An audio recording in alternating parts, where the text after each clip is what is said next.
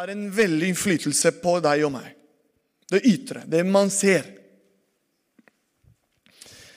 Disse forhold kan være svært omskiftende, og det ser vi. Det skifter stadig og kontinuerlig.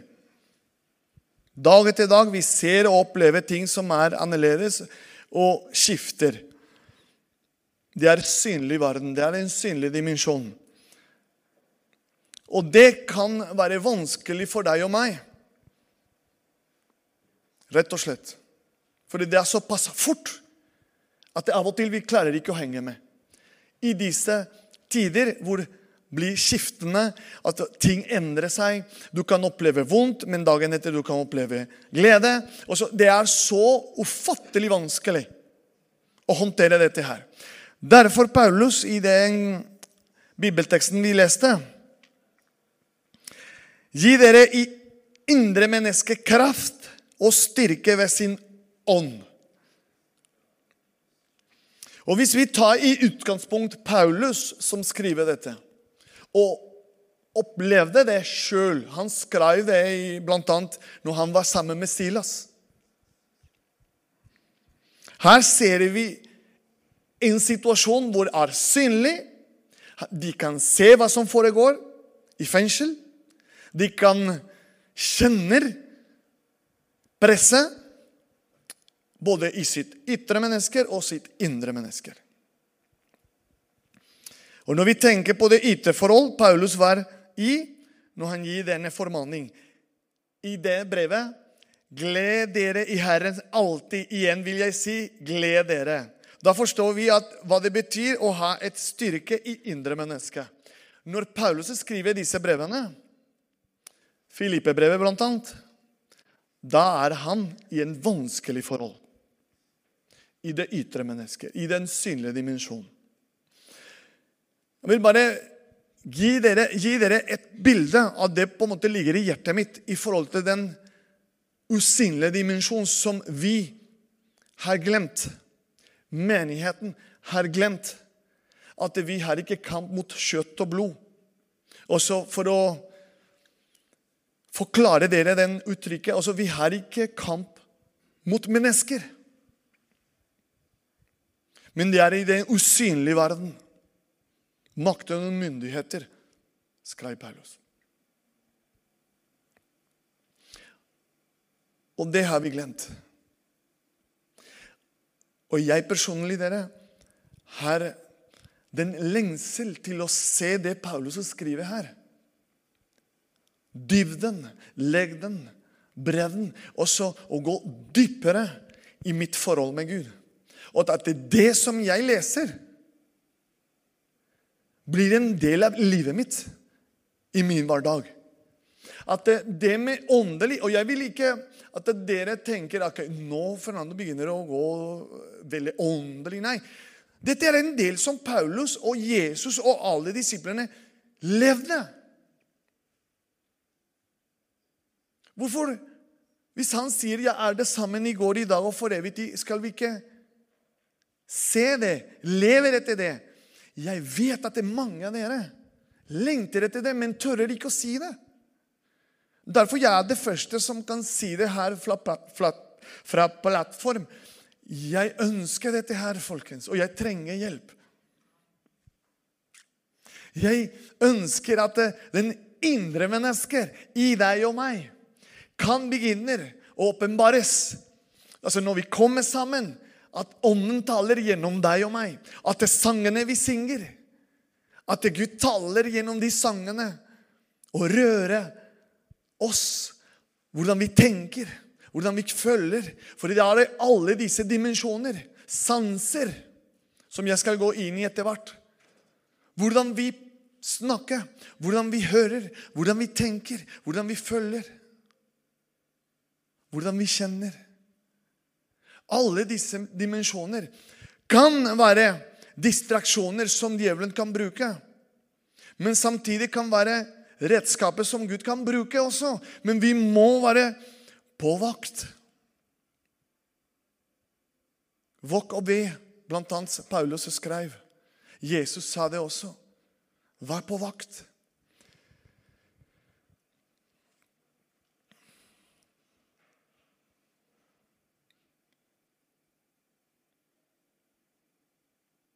Gled dere, skrev Paulus. Hva, hva, hvordan kan en mann som sitter i fengsel, skrive 'Gled dere i Herren alltid'? Igjen vil jeg si 'gled dere'. Det må skje noe i hans indre som påvirker ham til å skrive dette. Og jeg tror virkelig han levde etter det. Uten å bli påvirka av den fysiske nøden og den uvisshet han levde i, Paulus, enten han skulle bli dødsdømt eller ikke, øste han ut av Guds fylde i sitt indre menneske og skrev brevene til efeserne, filipperne osv., som jeg sa eh, tidligere. Og han skriver videre Og Guds fred. Guds fred som overgår all forstand, skal bevare deres hjerter og deres tanker i Kristus. Også det er i vårt indre, som all dette som foregår i åndens, åndens verden, påvirker oss gjennom Guds ord. Og han minner oss stadig i de forskjellige omstendigheter vi lever. Ja, Se, det er en hemmeligheten til fremgang i Gud og et lykkelig liv. Da blir det bestandig en herlig utgang av alle forhold hvis vi la Tusen takk. Hvis vi la Gud i, påvirke i vårt indre gjennom sin ånd og sitt ord. For det er sånn jeg ser Jesus når han gikk. Og han møtte omstendigheter, press, situasjoner i sin eh, hverdagen og hvordan han håndterte det, det var for grunn av han tok tid til å være sammen med sin far. Og ordet ble levende, som, han sier i, som Johannes skriver i evangeliene. Går det bra så lenge? Tror jeg vi kommer til å lande en sted. Håper jeg. For Guds ord er levende og virksom og skarpere enn noe tveget svær.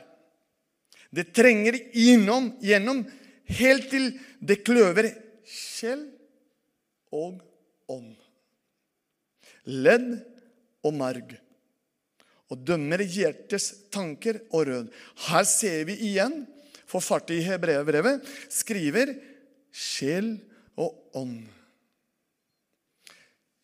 sjelen vår og ånden. Hva er forskjellen mellom sjel og ånd?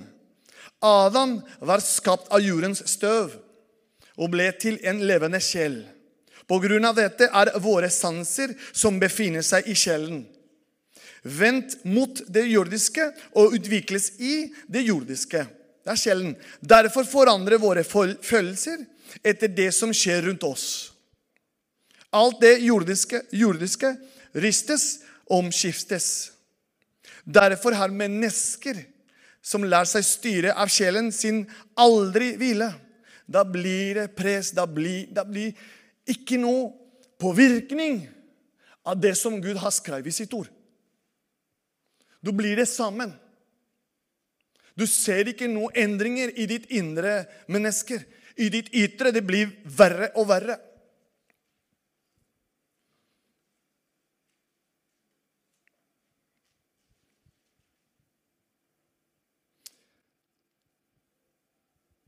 de aldri får hvile hvis vi lar sjelen styre.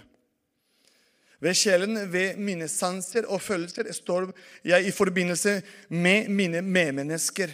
Et sjelisk menneske er alltid i uro for hva de andre tenker og sier om det. Ved min ånd står jeg i forbindelse med Gud. Nå må dere følge med. Men når jeg er sjelisk, lever jeg etter min forstand, mine sanser, som er jordiske. Og min kropp brukes til å tjene denne verden. Da fylles også min ånd med det varslige, og det blir liten eller ingen forbindelse med Gud. Vi blir påvirka rett og slett av det som foregår i, rundt oss.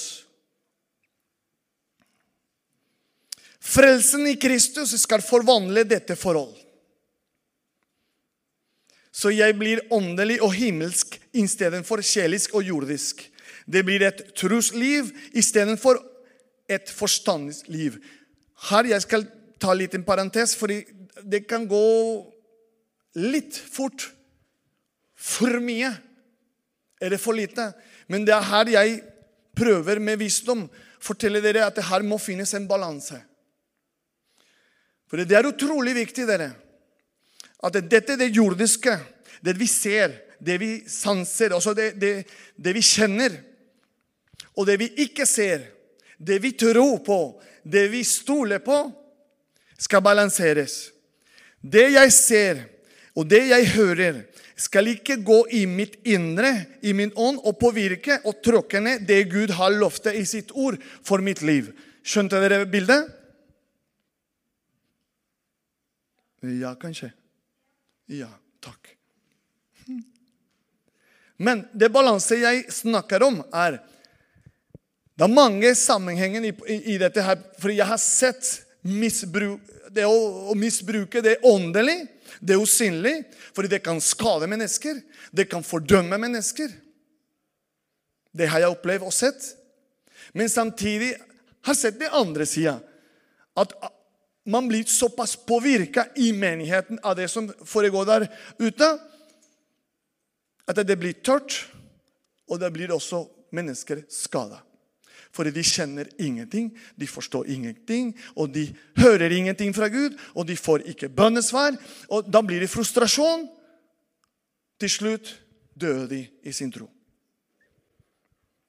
Så mitt poeng er i forhold til det Paulus skriver her i Efeserbrevet, og så vi skal gå inn i Galaterbrevet. For det er veldig interessant, det han skriver i Galaterbrevet, kapittel 5. Han skriver følgende i kapittel 5, vers 16. Men jeg sier dere, vandre i ånden, og dere skal slett ikke fullføre kjøttets beskjær. For kjøttets lyster imot ånden, og ånden imot kjøttet. Det er andre versjoner i Bibelen som tolker annerledes kjøttet. Men han skriver rett og slett at disse to står imot hverandre. Kjøttet og ånden betyr at kroppen min alltid skal være imot det ånden vil for mitt liv og for ditt liv. Det er det jeg forstår, og han sier ikke bare én gang. Han skriver i Romerbrevet det sammen, han skriver i Galaterbrevet, og han går i Efeserbrevet. Så det, han går og gjentar det på nytt til deg og meg. At vi skal være på vakt og bevare vår vandring i ånden med Gud. For i kroppen din og min vil ikke ha noe med det å gjøre. Kroppen din vil ikke lese Bibelen. Kroppen din vil ikke be. Kroppen din vil ikke komme til møte på sånne. Kroppen din vil ikke ha noe med Gud å gjøre. Og det er vår syndende natur som vi har blitt født. Hvis du er overraska Sorry, men det er virkeligheten. Men takk og lov at vi har Jesus. Og han forløser alt. Men det sier ikke at kampen er ferdig. Fordi det er en kamp hver eneste dag. Når du bestemmer deg Bare en liten sånn eksempel. Når vi er inne i bønn og faste Hvordan er det for deg når du hører bønn og faste? Da er det sånn Åh, ja, dere kan le, for jeg har vært der, og jeg er der i den prosessen. Å faste. Uff. Kroppen vil ikke det. Kroppen vil ikke at du skal lese Guds ord. Vandre i ånden, sier Paulus og skriver. Og så skal jeg fortsette. Og disse to står imot hverandre for at dere ikke skal gjøre de ting dere vil. Men hvis dere blir ledet av Ånden, da er dere ikke under loven. Og da kommer en liste. Kjøttets gjerninger er åpenbare, og så kommer en liste. Det er ekteskap, brud osv. Men åndens frukt er kjærlighet, glede, fred, langmodighet, vennlighet, godhet, trofasthet, saktmodighet, selvtok. Loven er ikke imot slike. Og de som tilhører Kristus, du og meg, Her korsfestet kjøttes med dets lidenskaper og lyster. Er dere med? Det er en påminnelse som Paulus kommer med her. Det blir som en slags bibeltime her, men, men jeg syns er nødvendig at vi minner på dette her. Og de som tilhører Kristus, har korsfestet kjøttet med dets lidenskaper og lyster. Guds ord, et tveget svær, som vi leste tidligere i Hebreerbrevet 4,12. Her er det Guds ord skal gjøre sitt verk i deg og meg. Det er skarpere enn noe tveget svær. Det kløver mellom sjel og ånd og dømmers hjerter og rød, tanker og rød og råd. Dette står i forbindelse med å komme inn til hvilen. Vi dommer vanligvis forhold etter våre følelser og vår forstand. Det er nesten stadig det. Men her jeg begynte å søke Gud, du og jeg har begynt å søke Gud, så åpner jeg meg for Guds ord. Og da kommer Den hellige ånds dimensjon og minner oss det vi har lest, det vi har studert, den tida vi har vært sammen med Gud og sitt ord. Det dømmer hjertets tanker og kløver mellom sjel og ånd, mellom det jordiske, menneskelige, som jeg opptar i min sjel, og det åndelige og himmelske, som jeg mottar i mitt ånd. Her må jeg tro på ordet og lide det, og da uttømmes sjelen. Ordet overvinn det onde med det gode, går rett imot våre menneskelige følelser og vår forstand. Men tror vi ordet er, og er lydige mot det, kommer vi til å hvile. Vi skal erfare at Guds visdom er større enn våre sanser. Tenk på det Jesus sa. Tilgi 20 ganger 70 om dagen den som synder imot deg.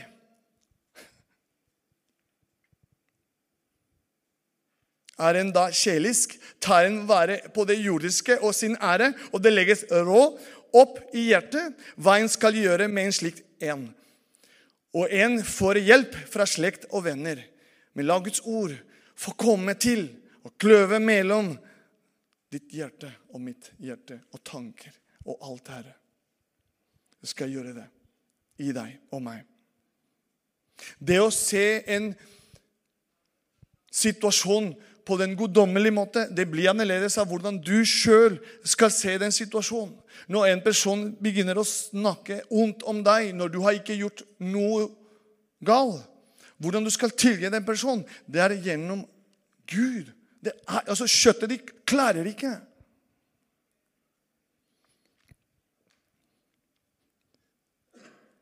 I denne uke jeg var i Tavernakle på besøk og fikk ære til å dele Guds ord der.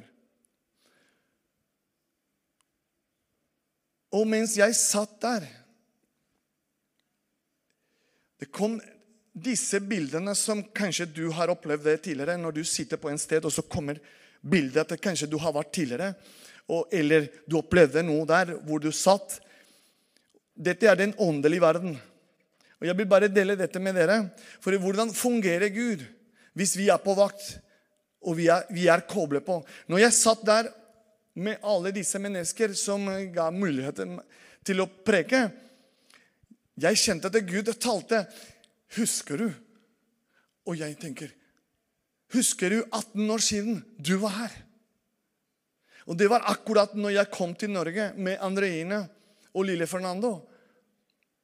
Og vi satt akkurat i det rommet, og jeg fikk huske at når jeg ba til Gud i forhold til planen hans i mitt liv og familien min, jeg skulle oppfylles Men jeg visste ikke at han allerede begynte å forberede veien for oss her i Norge.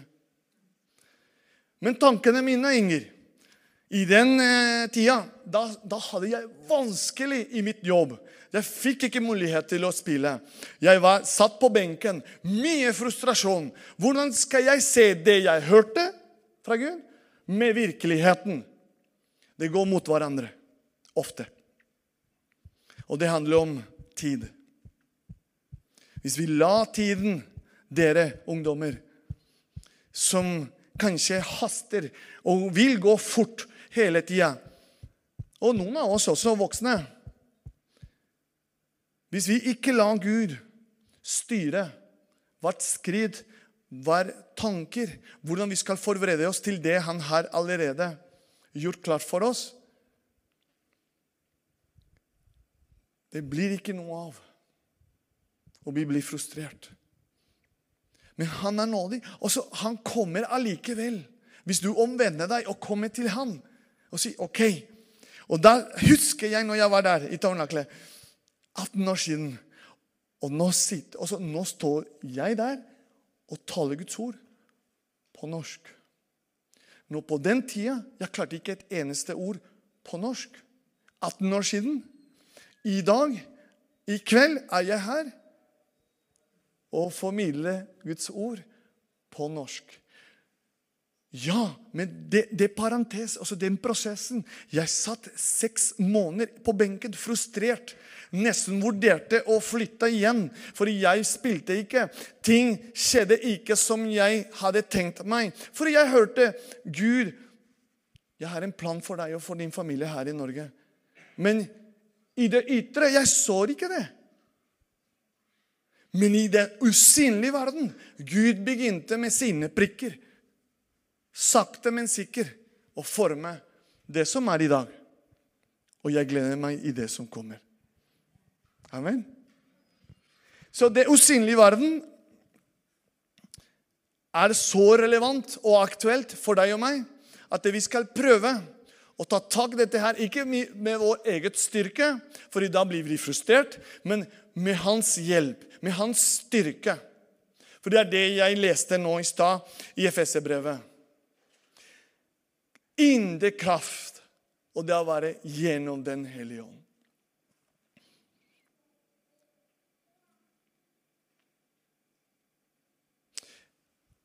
Inger, kan du hjelpe meg med piano?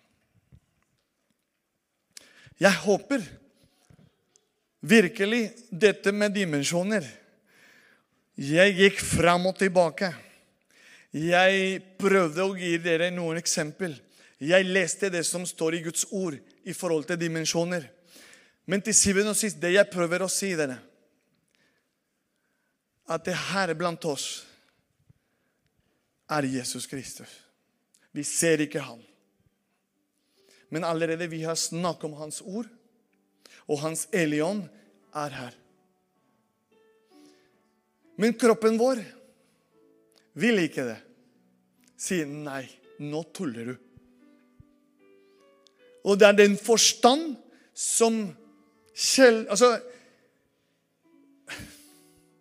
Den forstand som hindrer det Gud vil si til deg og meg. For i de gangene jeg har prøvd å prøve å tenke litt sånn nøye Ok, hva er det du prøver å si? Det jeg prøver å si, er at han er reell. Han lever. Den hellige ånd er reell. Han rører, han vet hva du tenker på nå. Selv om kroppen din sier nei, nei, nei, nei, nei det er bare tull. I ditt indre Gud visste at du trengte å høre dette i kveld. At han er reell. At det, kropp, sjel og ånd det er noe Gud skapte med en hensikt. Men Hans ånd skal påvirke både sjel og kropp. Måtte vi tenke på i hverdagen vår? Hva er det vi tillater at det skal påvirke oss? Omstendigheter rundt oss, eller først og fremst det som står i Guds ord? Det som Han taler til deg og meg. Stadig. Spørs hvor ofte du leser, hvor ofte du tar tid til å være sammen med Han. Hvor ofte går vi i vår bønnerom som Jesus befalte. Søk Han. Han Gå i bønnerom. Søk Han først. Han sier ikke 'når du har tid'. Nei, søk Han først. Jeg vet ikke hvordan jeg skal tolke det, men det er ikke noen andre, flere måter å tolke det. Når han sier 'søk Han først', det er Han først. Punktum. Det kan høres litt sånn Oi, nå er du streng. Men det er ikke jeg som har skrevet det og sagt det. Det er Jesus som har sagt det. Han sa søk først Han, hans rike. Og det som er rundt, det som vi ser, skal komme i tillegg. Men det er så vanskelig å søke han først, Fernando. Ja, det visste dere det. Det er en grunn til at det er vanskelig. Det er en som vil ikke at du skal søke han først.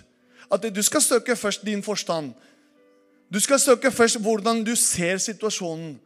Du skal søke først løsninger, egen løsning, altså hvordan jeg skal løse dette her. Men når han sier 'søk han først', gå inn i bønnerommet ditt. Og det eneste ting som disiplene spurte Jesus for å lære, det var 'lær oss å be'. Og han lærte dem. Vil du lære å be? Spør Jesus, og han skal hjelpe dere. Han skal lære dere i den usynlige verden, i den dimensjonen som du og jeg lenter etter. Kan dere reise dere opp? Og vi skal be til slutt. Og jeg skal be for hver enkelt av dere at det Gud åpenbarer den usynlige verden til deg og meg. Mer og mer. Det er noen i kafé som har gjort klar også. Så jeg er ikke noe imot med det som man kan se og smake og teste. Det er ikke noe av det. Men det viktigste er det viktige, og det er å søke Han først. Så vår, Hans ånd og vårt ånd blir ett. Og vår kropp blir Den hellige ånds tempel. Er dere med? Jesus, du kjenner hver enkel person som sitter i kveld her. Men jeg vet, Herre, at du er her midt iblant oss fordi du har lovet det. Du har sagt det. Når to eller tre er sammen i ditt navn, da er du midt iblant oss. Takk for hver enkel individ, Herre. Takk for ditt ord. Takk, Hellig Ånd, fordi du rører. Takk for den, handling, den profetiske handlingen vi gjorde, fordi du kommer tilbake, Jesus. Og minner vi deg gjennom nattverden, Herre. Herre, jeg bare takker deg for det du har gjort i Gunnars sitt liv. Du vet hva han har gått gjennom. Men også, jeg ber for hver enkel som er her. Du kjenner hver enkel. Du kjenner behov, som Gula sa og ba om. Du kjenner frykt, kanskje. Du kjenner kanskje press, depresjon, kanskje vondt i kroppen. Du kjenner absolutt alt, Herre. Derfor ber jeg frimodighet. Kom, Hellige Ånd. Og påvirke hver enkel, enkel liv her, Herre. Med din kraft, indre kraft, med din ånd, Herre. Det ber jeg om i Jesu navn.